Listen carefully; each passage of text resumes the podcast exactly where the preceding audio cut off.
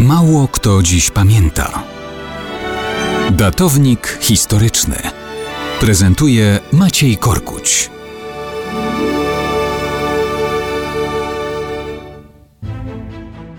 W roku obchodów stulecia odrodzenia Polski warto, abyśmy pamiętali o 151. rocznicy urodzin Józefa Piłsudskiego 5 grudnia 1867 roku. A więc w 1918 roku był on już człowiekiem po 50. Warto o tym pamiętać tym bardziej, że patrzymy na jego życie przez pryzmat wszystkiego, co mu się udało. Z reguły zapominamy, że buława marszałkowska, splendor współtwórcy odrodzonej Polski to tylko ostatnich kilkanaście lat jego życia. Wcześniej było 50 lat żywota z uporczywym marzeniem o odbudowie Polski.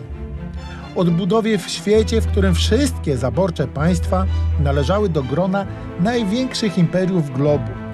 To w tym świecie Piłsudski z uporem stawiał na niepodległość, żyjąc w biedzie i ponosząc porażki za porażkami.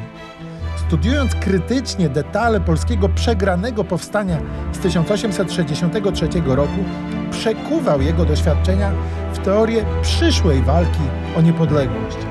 Przekuwał swoje i narodowe klęski w siłę ducha, którym napędzał pokolenia młodych Polaków do myślenia, że tam, gdzie chodzi o wolność, o marzenie o niepodległej, nie ma barier, nie ma miejsca na kompleksy wobec wielkich imperiów, nie ma miejsca na poczucie słabości.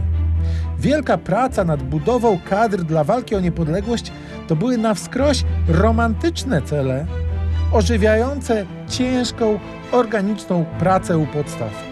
A ile trzeba było hartu ducha i wewnętrznej siły, aby żadnej z porażek się nie poddać, to na zawsze pozostanie tajemnicą pięciu dekad codzienności późniejszego marszałka.